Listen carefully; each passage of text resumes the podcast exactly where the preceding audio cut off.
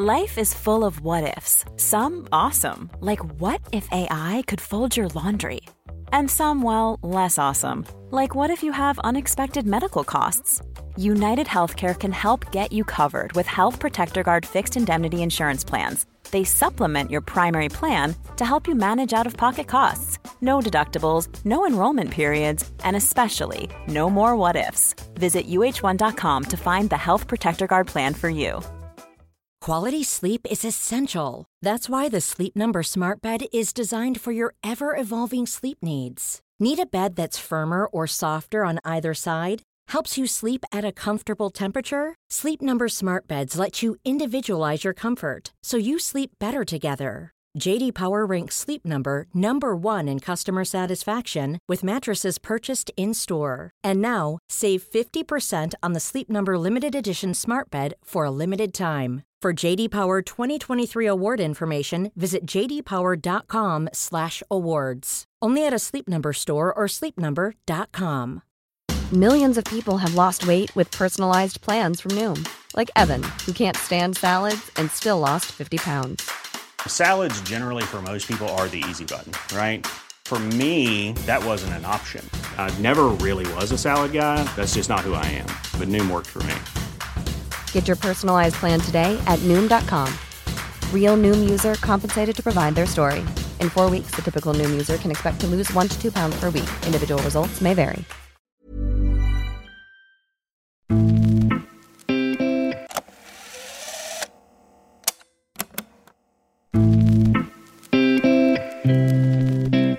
Sommar är Tess Olofsson domare under VM i Australien och Nya Zeeland. Hon är den första kvinnan som nått superettan för herrar.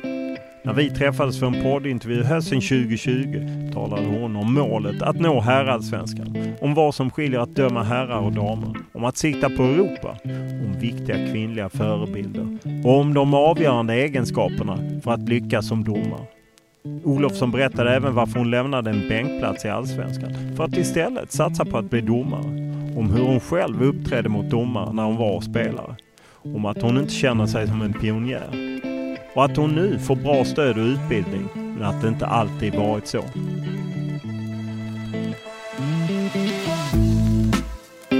Årets vinnare är Tess Olofsson och Andreas Ekberg. Tess Olofsson har under 2018 visat en hög och jämn nivå på sitt domarskap, inte endast i damallsvenskan utan även internationellt med EM-slutspel för U19 som det största.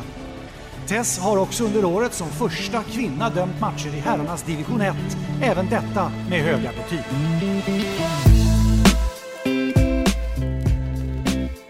Två år i rad har Tess Olofsson blivit utsedd till årets kvinnliga domare.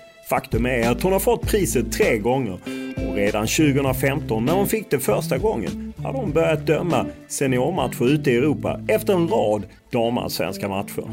Därefter har hon klättrat i systemet och för en dryg vecka sedan blev hon första kvinna att döma en match i herrarnas superetta.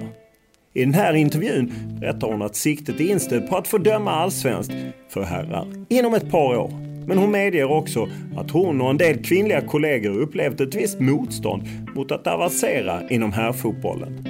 I början så var det såklart tufft för att det blev ju lite att man tilldelades matcher men kanske inte fick den coachingen som man önskade. Och i podden pratar vi om generationsväxlingen inom den svenska domarkåren. Det tar ju tid innan vi kan få fram nya, till exempel Jonas Eriksson. Och givetvis berör vi fotbollens hetaste potatis, VAR, Video Assistant Referee. Det är klart att det finns ju många fördelar med det, men eh, lite det också med den mänskliga faktorn att eh, inte plocka bort det när man ser någonting på planen. Utöver detta talar Tess Olofsson om bemötandet hon fått inom herrfotbollen. Om vad den nyligen pensionerade Bibiana Steinhaus betytt som förebild.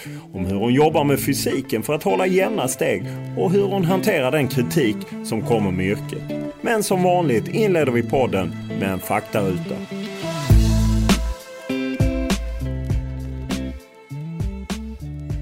Ålder? 32, Bor? strax utanför Piteå. Familj? Gift, Utbildning? eh, polisutbildning. Lön? Ja, svårt. Medel kanske. Vad kör du? Eh, jag kör en Passat. Vad läser du? Eh, sporttidningar. Vad tittar du på? Matlagningsprogram. Vad lyssnar du på? Väldigt blandat. Vad spelar du på? Det kan vara allt från instrument till hästar till tv-spel. Trummor, men det var jättelänge sedan. Vem är för dig världens bästa domare? Just nu på tjejsidan är det ju Stephanie Frappin. Vilket är ditt favoritlag i fotboll och varför? Har faktiskt inget favoritlag. Tittar mycket fotboll överlag. Vilken är din största merit som fotbollsspelare? Eh, det är väl U19, flicklandslaget. Eh, vilken är din största upplevelse i fotbollssammanhang? Det kan nog ha varit Island, Brasilien när jag dömde där inför 7 500 i publiken. Vilken regel i fotboll hade du velat ändra på? Ja, Hansen säger väl alla kanske, men det, det är väl fortfarande vårt största dilemma.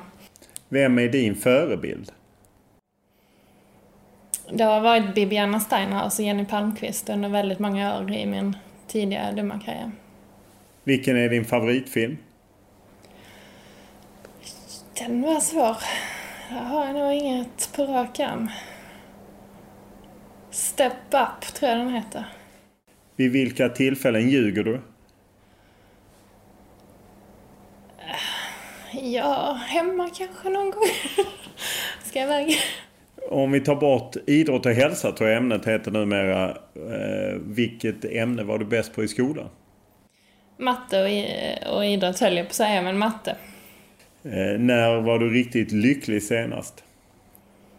Ja, det var i, i helgen efter att jag hade dömt första superettan-matchen. Eh, när grät du senast? Ja, det var också helgen. Mycket känslor. Vi börjar med en tjej som skrev historia ikväll. Nämligen Tess Olofsson. Hon blev den första kvinnliga domare att döma en match i Superettan. Det skedde när Akropolis mötte AFC Eskilstuna. Och det blev en målrik historia. Oskar Pettersson tryckte in 1-1 efter en snygg framspelning. Och kort därefter blåste Olofsson för frispark. Marcus Haglind Sangré nickade in ledningsmålet. Akropolis vann den här matchen med 3-2.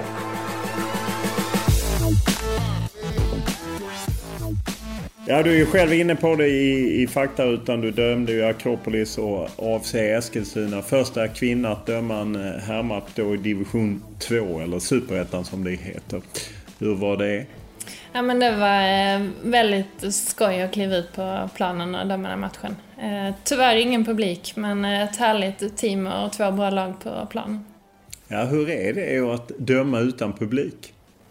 Jag tror inte man tänker så mycket på det under matchens gång för då är det ofta väldigt intensivt så man hinner inte fundera så mycket. Men framförallt vid line-upen och så, så blir det ju när man står och tittar ja, mot läktaren så syns det ju att det, det saknas något. Det har ju fått uppmärksamhet. Vad har du fått för feedback? Nej men det har väl varit mycket positivt eh, att de tycker det är kul att man tar klivet och eh, så att många positiva eh, komplimanger. Vad sa spelarna? Nej men Akropolis har ju dömt tidigare i division 1 så att eh, de kände ju igen mig och tyckte att det var kul för mig att jag hade tagit nästa kliv. Eskilstuna var ju många nya ansikten och så men de var positiva och bad till och med om ursäkt vid något tillfälle efter matchen för att det blir ju under stridens hetta att man kanske skriker någonting eller får lite skit. Ja, och får man då skit för att man är kvinna? Riktar de in sig på det? Eh, för att man kan ju inte... Jag misstänker att man kanske inte alltid kan kontrollera det i stridens hetta. Nej, det tycker jag absolut inte. Utan det är ju kanske på ett dumslut eller att man inte får med sig en hörna som man kanske borde ha fått eller så. Så jag upplever inte att det är för att jag är tjej eller kvinna utan snarare mer eh, att man är dummare. Och det. Du har ju varit fjärde domare i Allsvenskan. Eh, när dömer du en allsvensk herrmatch? Dammatch har du ju dömt många. Det får vi väl se. Eh, det är ju såklart ett mål i framtiden och förhoppningen är ju inom ett par år. Sen kan det ju ta längre tid för det är ju hög konkurrens på här sidan. Eh, vad får du för signaler från de som bestämmer? Stefan Johannesson, Martin Ingvarsson eh, som har olika positioner i, i domar-Sverige på här sidan. Inga speciella mer än att eh, vi, vi är ju fyra som konkurrerar om kanske en eller två platser så att eh, det är hård konkurrens och som sagt det gäller att prestera i varenda match. Det är ju också fystester. Hur hanterar du dem? Det är, ibland har ju de lyfts fram som ett hinder. Nej, men det är hela tiden att jobba framförallt med sprinten för blir man snabbare så kommer det också krävas mindre konditionsmässigt på matcherna. Så att det är bara att utveckla explosivitet, köra mycket sprintträning och ha en variation i träningen. Ja, vad känner du annars står i vägen för att du ska nå till herrallsvenskan? Jag ser väl inte några hinder så, utan det är som sagt att eh, förhoppningen är ju att prestera liksom bra på matcherna, prestera på fystesterna och sen gäller det att ha lite tur och lite flyt också. Finns det någon skillnad på att döma herrar och damer? Och i så fall, vad är skillnaden? Det beror väl lite från match till match. Eh, ibland kan det vara högre tempo i vissa herrmatcher. Det händer kanske mer fler situationer att bedöma. Men sen är det mycket beroende på vilket underlag, vilka lag, vi spel eh, är i det och även då spelsystem och, och så. Så att eh, svårt att jämföra. Varför är det svårt att jämföra? Det är ju ändå fotboll som fotboll på något sätt. Nej men det, det blir ju lite, framförallt tabelläget. Så att eh, har man då eh, ett toppmöte i en serie så kan ju det vara en alltså, riktigt, riktigt tuff match. Men samtidigt så kan det också vara, alltså även om det är bottenstriden. Så att det, det, det är många tuffa matcher. Och... Är det fler så på här sidan än på damsidan? Nej, jag tycker faktiskt att kvaliteten är väldigt bra på damsidan också. Högre tempo och många skickliga spelare och tekniska spelare. Så att det går ju fortare. Hur blir man bättre på att liksom hantera allt från fysik till situationer? Är det bara att döma mer och mer? Jag tror eh, en blandning. Dels är det ju erfarenhet såklart, men sen även att man tittar mycket fotboll, både på TV men även live. Att se andra domare och se hur de jobbar. Sen får man ju många tips från våra coacher, observatörer och instruktörer som man tar med sig. Och sen att även se sig själv, för det man får som tips kan man då se att man gör det, så är det ju lättare att omsätta det sen när man har fått någonting till sig och känner igen det. För blir man medveten om det så tror jag det blir lättare att, att jobba med det. Hur, eh, hur mycket har man igen av att man har dömt flera matcher i division 1 till exempel? Att man känner ett lag som du hade dömt Akropolis tidigare. Hur mycket har man igen av det? Den, att man dömer samma lag flera gånger? Jag tror att det kan vara mycket positivt just att man lär känna kanske laget och vissa spelare. Man kanske vet hur de ställer upp vid hörnsituationer eller fasta situationer, frisparkar. Och sen, eh, sen just det här att, ja men, vinna spelarnas respekt. Och det, det, gör, det blir ju lättare också, känner de igen en när man har dömt dem några gånger så blir det lättare att vinna deras förtroende.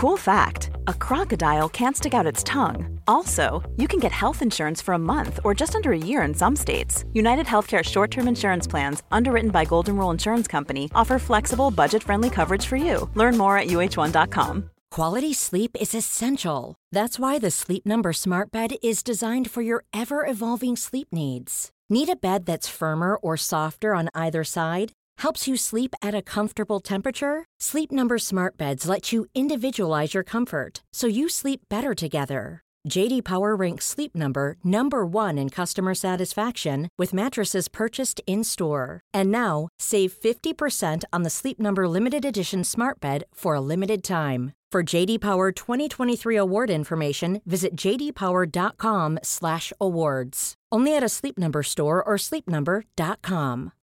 Millions of people have lost weight with personalized plans from Noom, like Evan, who can't stand salads and still lost 50 pounds. Salads, generally, for most people, are the easy button, right?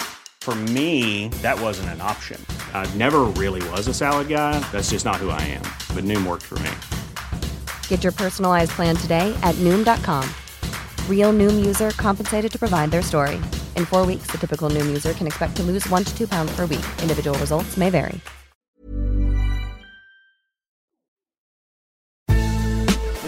First Bundesliga match ever to be taken charge of by a female referee. Bibiana Steinhaus will be our match official. The referee played on, and it's a brilliant call by the looks of things. That is the full-time whistle. Viviana Steinhaus brings her first Bundesliga game to a close.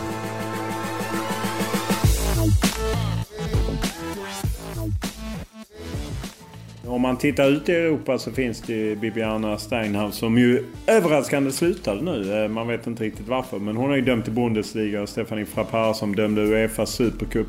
I Sverige slår vi oss ofta på bröstet att vi är så jämställda och härliga. Ändå är vi efter på det här området. Varför?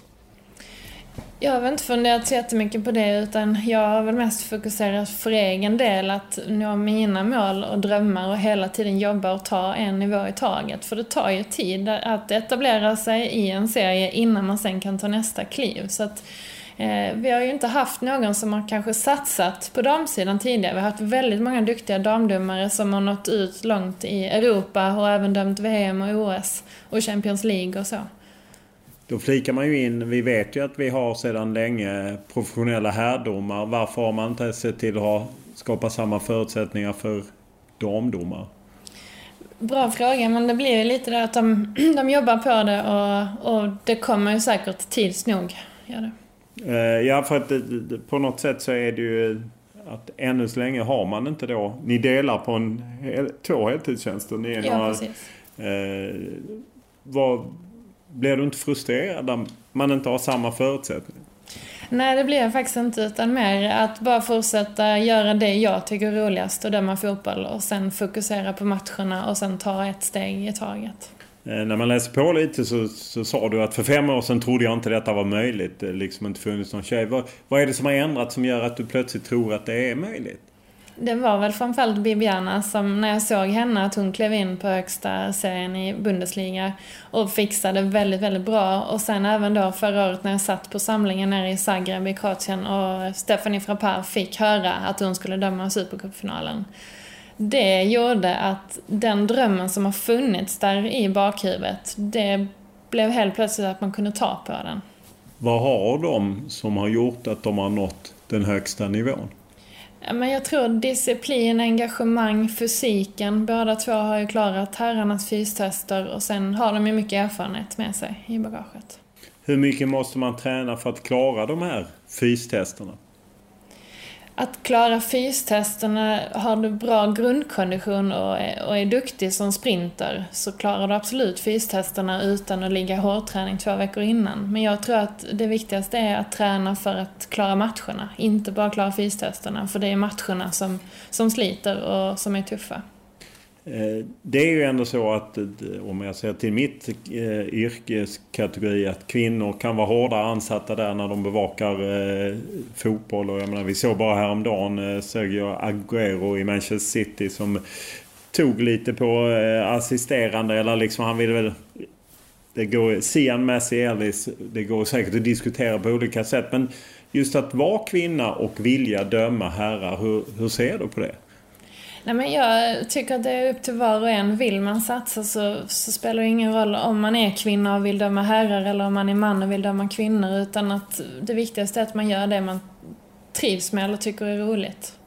Eh, för att vi hade ju på Fotbollskanalen, min kollega Andreas Sundberg gjorde det här eh, ett jobb i, häromåret om liksom att en del kvinnliga domare känt motstånd för att avancera inom herrfotbollen. Hur har du upplevt det? Nej men eh, i början så var det såklart tufft för att det var kanske inte många som eh, ja, var medvetna om att man ville satsa på här sidan Utan det blev ju lite att man tilldelades matcher men kanske inte fick den coachingen som man önskade. Men sen på slutet här så har jag absolut känt både stöd och fått liksom hjälp, fått bra matcher eh, och haft en bra dialog med herrcoach och damcoach för att de ska kunna matcha och, och att man inte dömer för många matcher i veckan utan hinner ladda om mellan. Varför tror du det är så laddat? Ja, men det, det är klart just det här att vara, vara ny tjej i en serie, att det blir lite speciellt för att man inte har sett någon tidigare. Men med tiden tror jag att det kommer bli ja, men, mer normalt eller vad man ska säga. Hur är det att bli en, eh, ja, någon som bereder ny väg så att säga? Hur är det att vara den som öppnar vägen för fler kvinnliga domare? Jag tänker väl inte så mycket på just den grejen utan fokuserar mer på att prestera på matcherna och ha kul. Alltså döma fotboll för jag tycker det är jäkligt roligt. Går det att hålla allt det andra vid sidan? För jag gissar att ju högre upp man kommer ju mer utsatt blir man liksom det kan ju vara både positivt men det finns ju, kan ju finnas en baksida. Ja men absolut, men sen är det lite så, vi är en stor domarfamilj och är fotbollsfamilj och man får ju mycket stöttning både från domarkollegor men även från spelare, ledare som hör av sig och även då, ja men privat, familj och vänner. Och den stöttningen och sen även kunna hjälpa till och inspirera andra. Det, ja men än så länge så är det bara positivt. Hur aktiv är du på sociala medier? Inte speciellt aktiv. Varför? Nej men det är väl ganska skönt det. Det handlar mer om tid. Och kanske eh, att jag inte är så engagerad i det. Jag gör hellre andra grejer och umgås med familj och vänner och, och tränar och sånt. Så det blir att man lägger mobilen åt sidan och fokuserar på det andra. Eh, du är ju polis vid sidan av eh, att vara domare. Vilka likheter finns det i, i de uppdragen? Nej men det är utmaningar på båda sidorna och jag som håller på med utbildning då inom polisen och håller på med bilkörning så är det också den här regelkunskapen, att kunna det man håller på och utbildar i. Eh, samma sak inom fotbollsvärlden, att kunna alla regler och, och vara påläst, för det kommer man långt på. Hur eh, balanserar du livet? Du jobbar lite i Malmö som polis men jobbar som domare då över, inte bara över hela Sverige utan över hela Europa eftersom du har internationella uppdrag så bor du långt upp i norr. Hur eh, får du ihop det? Nej, men det, vi ställde ju till det lite i våras med Corona och alla inställda flyg. Men sen har man ändå kunnat kombinera det med videomöte och kunnat till exempel planera lektioner eh, på distans. Man bokar banor och instruktörer också på distans. Så att eh, jag har i princip kunnat jobba hemifrån vissa gånger. Och det är ju en fördel att man får ihop pusslet. Eh, jag lyckades fånga dig här på Arlanda mellan två flyg. Eh, hur mycket är du i farten resmässigt? Nej men nu har det väl varit ganska mycket och det har det varit sen serierna drog igång i mitten av juni. Eh, då blir det ju i princip en till två matcher i veckan och en hel del resdagar. Hur mycket måste du tänka på kost, sömn, den typen av grejer som vi, man ju lätt förknippar kanske bara med idrottare, kanske inte direkt med domare? Ja, men det blir minst lika viktigt för oss. Det känns som att man, man äter och sover och tänker kanske som en elitidrottare. För eh, har inte jag laddat upp dagen innan, kommer till en match och är lite halvtrött för man har sovit si sådär. Då är det klart att det påverkar. Det känns kanske i benen, tunga ben, eller att man inte har någon ork för att man då har eh, återhämtat sig för lite. Du har ju blivit årets domare ett flertal tillfällen, 2019, 2018. Vad, vad är det du har eh vad är du nöjd med som du har uppnått? Nej, men det är just att tagit kliv, alltså nästa kliv upp, eh, högre upp på här sidan och sen då i damallsvenskan även fått väldigt fina eh, uppdrag internationellt. Så att det blir den här blandningen att dels få gå ut och göra det man älskar men även då nå de här små delmålen. Du har ju nått eh, Champions League på, på damsidan, U-mästerskap eh, och, och liknande. Vad, vad saknas för att du som svensk ska kunna nå ett OS i Tokyo eller ett EM 2022? Ja, men det blir ännu bättre att dels få erfarenhet eh, och döma de här stora matcherna men sen även specifika grejer, till exempel rörelsemönster, hur jag placerar mig vid fasta situationer och sen även bli bättre på att bedöma situationerna. Hitta vinklar och, och även då titta mycket klipp på till exempel handsituationer eller målchans, eh, straffsituationer för att bygga det liksom, bagaget man behöver med sig, ryggmärgsbeteende. Det finns ju svenska herrdomare som har gått långt. Jonas Eriksson följer dock bort från VM 2018 innan dess. Hur mycket bollar man med de som har varit med tidigare? Nej men det blir ju framförallt, nu har vi kanske inte, det är för sista åren som vi har varit eh, på samma kurser som herrarna och det är ju jättekul att få utbyta erfarenheter med dem och även för deras synsätt på då när vi kollar klipp. Men sen på damsidan har det varit Jenny Palmqvist och sen har vi ju tidigare då Maria Persson och Ingrid och de andra alltså våra instruktörer nu som också har varit med och dömt på väldigt hög nivå utomlands. I Sverige på här sidan så har ju domarna fått mycket kritik och både Martin Ingvarsson och Stefan Johannesson har erkänt att man liksom hamnat lite i en generationsväxling efter Jonas Eriksson. Vad är, vad är din bild? Är det så att man på här sidan, för det känns ju lite också på damsidan att man hade ju ingen i VM till exempel i Frankrike. att svenska domare har hamnat i en generationsväxling? Eller är det politik som gör att man inte har svenska domare? Nej men det är klart att det, det, tar ju tid innan vi kan få fram nya, till exempel Jonas Eriksson eller, men vi har många av herrarna som ligger på väldigt hög nivå. Vi har Andreas Ekberg som ligger i grupp 1 och vi har ju även Glenn och vi har Bojan och alla de andra killarna som kommer eh, underifrån. Så jag tror bara som sagt, ja men tid. Tror du man fram, i framtiden kommer inte ha uppdelat det här och dam utan att det kommer vara en grupp av domare helt enkelt? Bra fråga. Det känns som att det kommer fortsätta att vara uppdelat, men vi får se. Hur, hur, hur sätter du upp dina mål för framtiden? Nej men det är väl lite att man, till exempel när man ser ett VM hemma i TV-soffan så väcks ju någonstans en, ett, en känsla att man vill vara där på plats. Och det är väl lite så man kanske ja, sätter upp de målsättningarna och har de drömmarna som många domare så har du ju säkert spelat själv. Vad är, liksom, hur är din fotbollskarriär? Ja, men jag eh, satt ju på bänken i damallsvenskan men eh, det var svårt att peta Caroline Jönsson, väldigt duktig landslagsmålvakt. Och jag var ju målvakt så att det var hög konkurrens. Eh, och sen så hade jag problem med mycket skador så i 20 års ålder så bestämde jag mig för att bara satsa som domare. Ja, för du började döma redan som 13-åring. Vad lockade med det? Nej men det var, där fick vi frågan i den klubben jag spelade i om vi kunde ställa upp och döma på en kupp som de arrangerade. Och då, sen efter den så, det var väldigt tufft. Dels var det ju mycket positivt från föräldrar och, och ledare men det var också väldigt hårda ord vissa matcher. Och det gjorde väl någonstans att man kände att jag ville inte att det skulle knäcka mig utan jag ville kämpa vidare.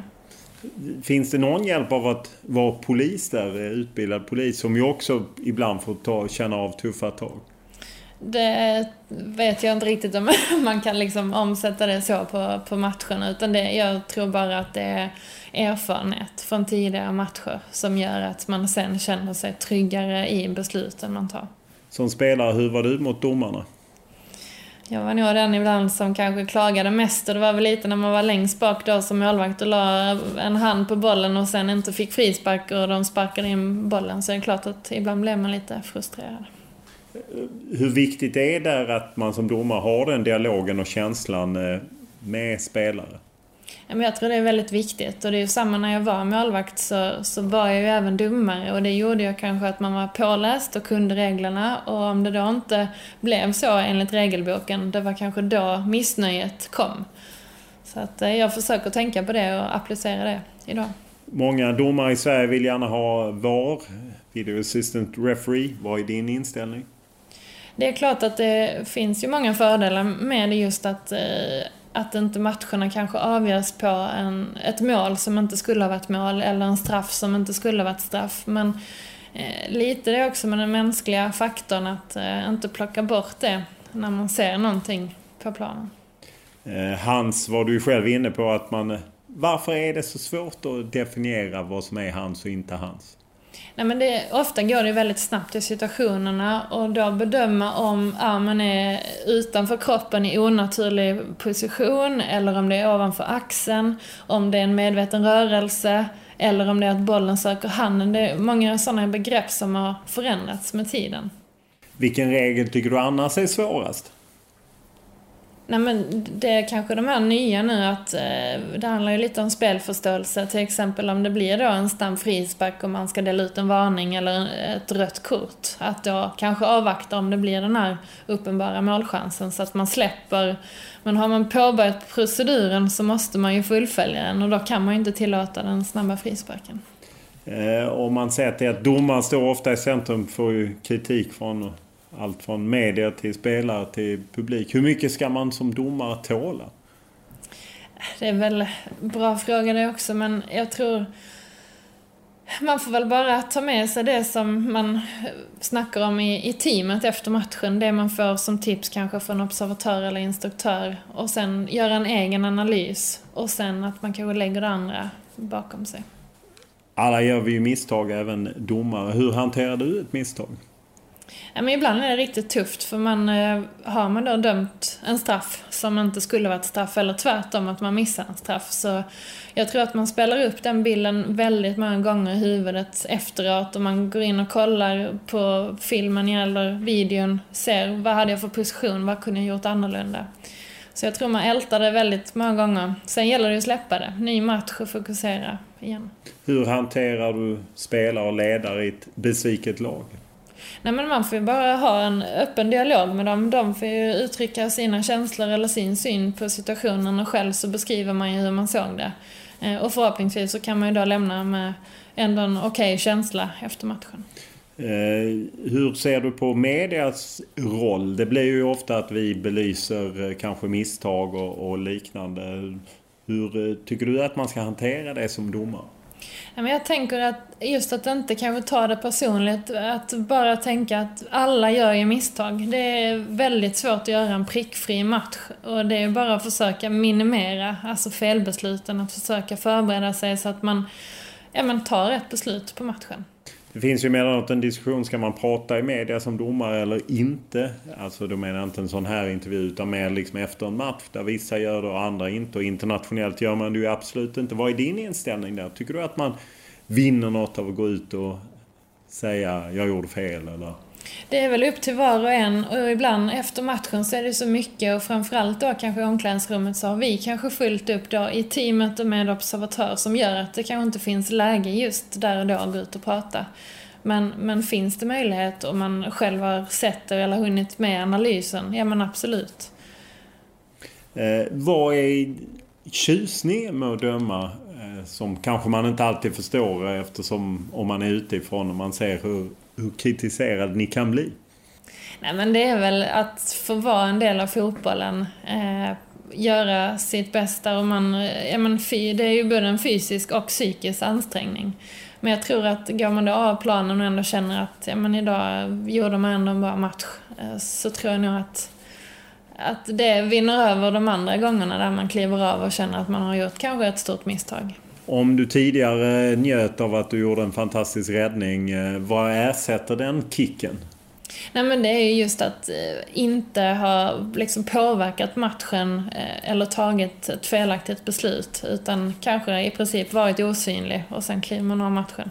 Är det, är det det bästa på något sätt? Det gamla Wallenberga finansfamiljen att man skulle verka utan att synas. Är det den bästa domaren i din värld? Nej men det är klart, alltså en domare kan ju också synas och ha gjort en riktigt bra match. Så att det är ju, jag menar en, en bra domare som leder matchen och har ett bra matchledarskap och så. Och sen just att man får en bra respons efter matchen från spelare och ledare. Det stärker också ens känsla att man då kan känna att, ja, men, att det är kul. Om man... Ja, för det är ju lätt att eh, spelare och ledare klagar på er. Hur många kommer fram efteråt och säger väldigt bra match? Det är faktiskt en hel del och det är väl ganska skönt ibland så att man då väger upp kanske det negativa man får höra. Ja. hur, hur, hur hanterar du någon som liksom är, går väldigt långt är väldigt kritisk? Går det in genom ena örat och ut det andra eller? Jag försöker väl eh, dels ta in det som kanske har sagts eller vad kritiken innefattar och sen att man då har en dialog med sin coach och sina dumma kollegor det brukar hjälpa att få prata av sig och, och så. Hur viktiga är just en, en domarcoach och så för att man ska ta kliven? De är ju oerhört viktiga just för det blir ju lite som ens tränare. De hjälper oss att bli bättre och sen är det ju även de tillsammans med andra i domarkommittén som bestämmer om man ska ta nästa steg. Så att det, de har en väldigt viktig roll. Jag gissar att du som många kring fotbollen saknar publiken men det finns ju ändå någonting om om du når ditt mål och dömer allsvenskan, ett derby och det är x antal tusen som skriker något nedsättande. Hur tror du att man, du hanterar det? Jag tror inte att man kommer tänka så mycket på det. För när man är där i, alltså på planen i situationen så hör man nästan ingenting runt omkring. Det, man hör bara precis de närmsta spelarna. Har du förståelse för det också, den ilska som kan bli på läktaren? Ja men det har man. För eh, och samtidigt så brukar jag också tänka att det är inte alltid att de kan eh, fotbollsregler kanske. Eh, och det är ju till exempel vissa då som skriker offside och sen så vet man ju själv att det är kanske försvararen som har spelat bollen och då blir det ju inte offside. Så att bättre regler för, på alla plan helt enkelt? Typ. Stort tack för att du ställde upp. Tack så jättemycket. Podden är som vanligt producerad av Olle Gunell Lindberg och klippt av Daniel Eriksson. Vi vill gärna höra vad ni tycker och tänker om podden och alla önskemål, idéer, tankar, beröm eller kritik kan ni enklast mejla till mig olof.lund.tv4.se eller skriva på Instagram eller Twitter och då är det Olof Lund som gäller i ett ord. Stort tack för den här veckan!